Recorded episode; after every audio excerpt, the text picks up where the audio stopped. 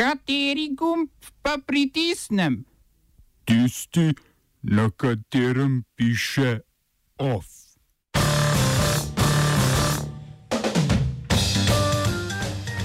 Volkswagen napoveduje drastično zmanjšanje števila zaposlenih. Avstralski kardinal obsojen na šest let zapora. Evropskem parlamentu o kurdskih zapornikih v Turčiji. Ministrstvo za delo predlagalo zvišanje starostne meje za upokojitev.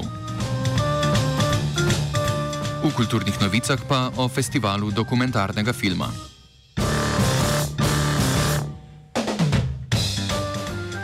Nemško avtomobilsko podjetje Volkswagen je napovedalo, da bodo do konca leta 2020 zaradi pospešene avtomatizacije število zaposlenih zmanjšali za 7000 delovnih mest. Poleg omenjenih rezov delovne sile, prestrukturiranje podjetja v istem obdobju po ocenah vodstva obeta še dodatnih 20 tisoč delovnih mest manj.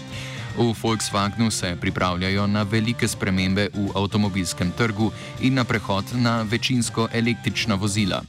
Napoved preseneča predvsem zaradi dobrih poslovnih rezultatov podjetja in rastočnih dobičkov v zadnjih letih.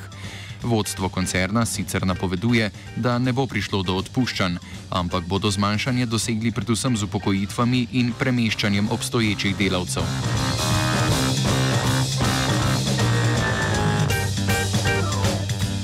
Ameriško javnost je presenetilo razkritje, da so bogati in vplivni holivudski igralci nezakonito plačevali univerzam, da so sprejele njihove otroke.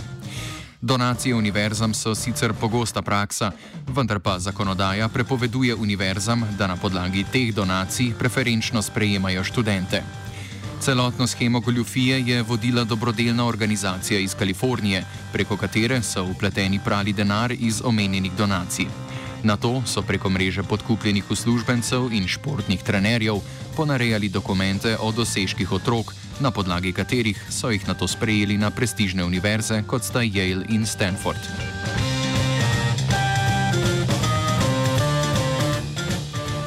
Enako šokantno in nepričakovano je tudi poročilo Amnesty International, ki ostro obsoja ravnanje hrvaške policije na meji z Bosno in Hercegovino in druge evropske države obtožuje sodelovanja v nasilju. Hrvaška policija je po navedbah poročila na meji brutalno obračunavala z migranti in jih nezakonito pošiljala nazaj v Bosno in Hercegovino, kjer nimajo dostopa do osnovnih pogojev za življenje. Amnesty v poročilu navaja številne pisne in slikovne dokaze za nepravilno ravnanje policistov. Poleg tega druge evropske države obtožuje sodelovanja in podpiranja nasilja, predvsem preko financiranja in opremljanja hrvaške obmejne policije.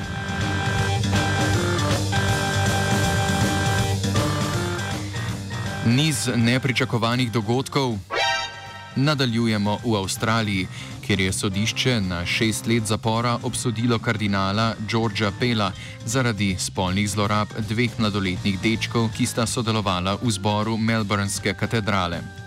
Kardinal je bil sicer do začetka sodnih procesov leta 2016 eden najvplivnejših kardinalov v Vatikanu in je vodil crkveno-finančno no-, ministrstvo.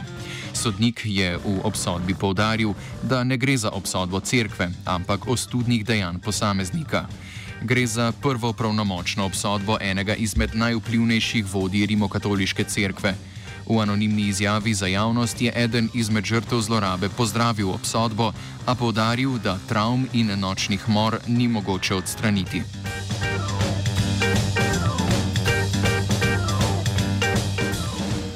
Avstralsko zvezdno državo Viktorija pa je zajela afera predelovanja kengurujev v hrano za domače živali. Oblasti so tam namreč leta 2014 odredile, da lahko kadavre kengurujev, ki jih določijo za odstrel, prodajajo predelovalcem, ki proizvajajo hrano za domače živali. Revizija programa pa je sedaj razkrila, da se je odstrel kengurujev v zvezdni državi povečal za 250 odstotkov. V času trajanja programa so tako ustrelili in prodali kar milijon kengurujev, kar je populacijo v naravi prepolovilo. Kot razloge poročilo navaja željo po zaslužku lovcev in lokalnih kmetov, ki so pogosto ponarejali potrebno dokumentacijo za odstrel.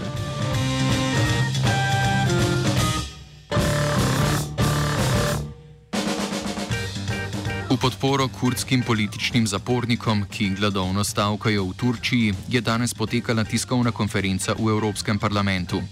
Dobrih 80 ljudi v Štrasburu 87 dni gladovno stavka v solidarnosti z Leilo Güven. Güven, ki je na gladovni stavki že dobre štiri mesece, protestira proti izolaciji in kršenju človekovih pravic Abdullahu Očalanu, enemu od ustanovnih članov kurdske delavske stranke PKK, ki je v turškem zaporu od leta 1999 in v samici od aprila 2015. Pobudo predstavi Dilek Očalan, bivša poslanka v turškem parlamentu in nečakinja Abdullaha Očalana, ki je bila na tiskovni konferenci. I speak on behalf of the entire group. A number of people in our group are not well, are not well at, well, at all. Uh, we've been participating, as you know, in this particular hunger strike, and for 87 days with my comrades here in Strasbourg, we have been uh, conducting this particular hunger strike. This is in solidarity with the hunger strike of Leila Guvan.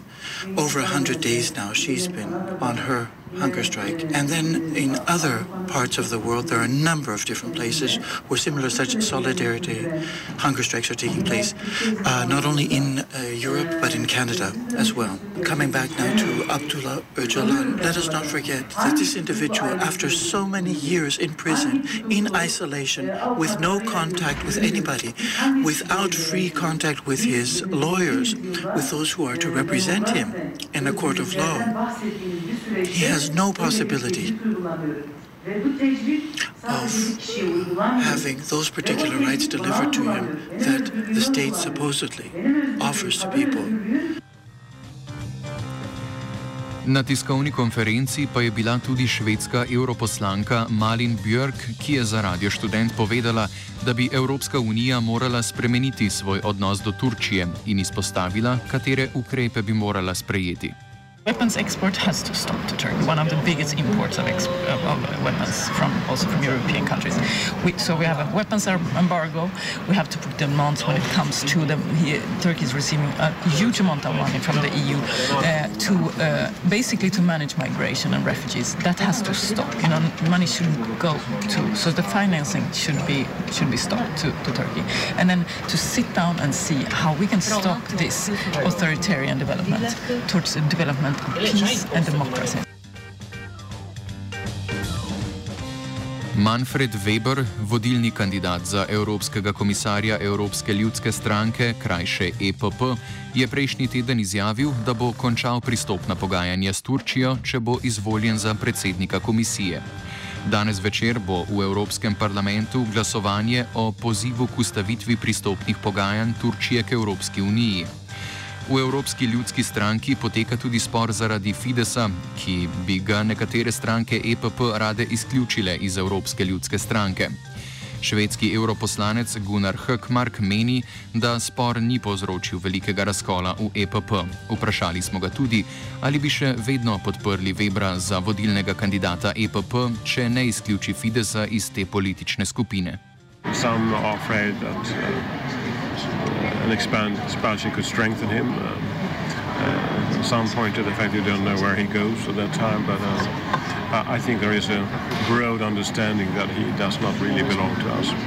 We take everything step by step, and, and we have the political assembly next week, uh, and, and, then we will have the broad discussion. And of course, it's important that Manfred Weber can handle a situation like this to deal with uh, how we defend rule of law and uh, to deal with um, defending fundamental European values.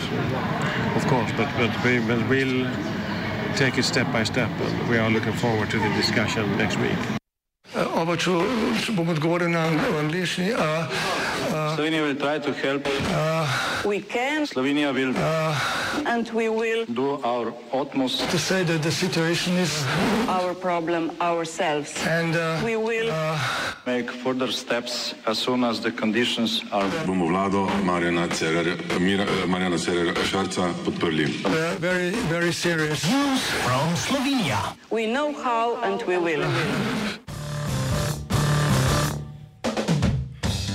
Ministrica za delo, družino, socialne zadeve in enake možnosti Ksenja Klampfer je na tiskovni konferenci predstavila predlog sprememb na področju upokojevanja. Od leta 2023 naprej se bo starost za upokojitev za tiste, ki nimajo dopolnjenih 40 let delovne dobe, zvišala na 67 let. Po načrtih ministrstva se bo povečal tudi odmerni odstotek na 63 odstotkov, s čimer se bodo povišale osnovne pokojnine. Poleg tega predlog vsebuje tudi uvedbo dodatnega odmernega odstotka za skrb za otroke v višini 1,25 odstotka. Po njenih besedah gre za načrte, ki so jih v koalicijski pogodbi opredelili že, koalicijski, že koalicijski partnerji.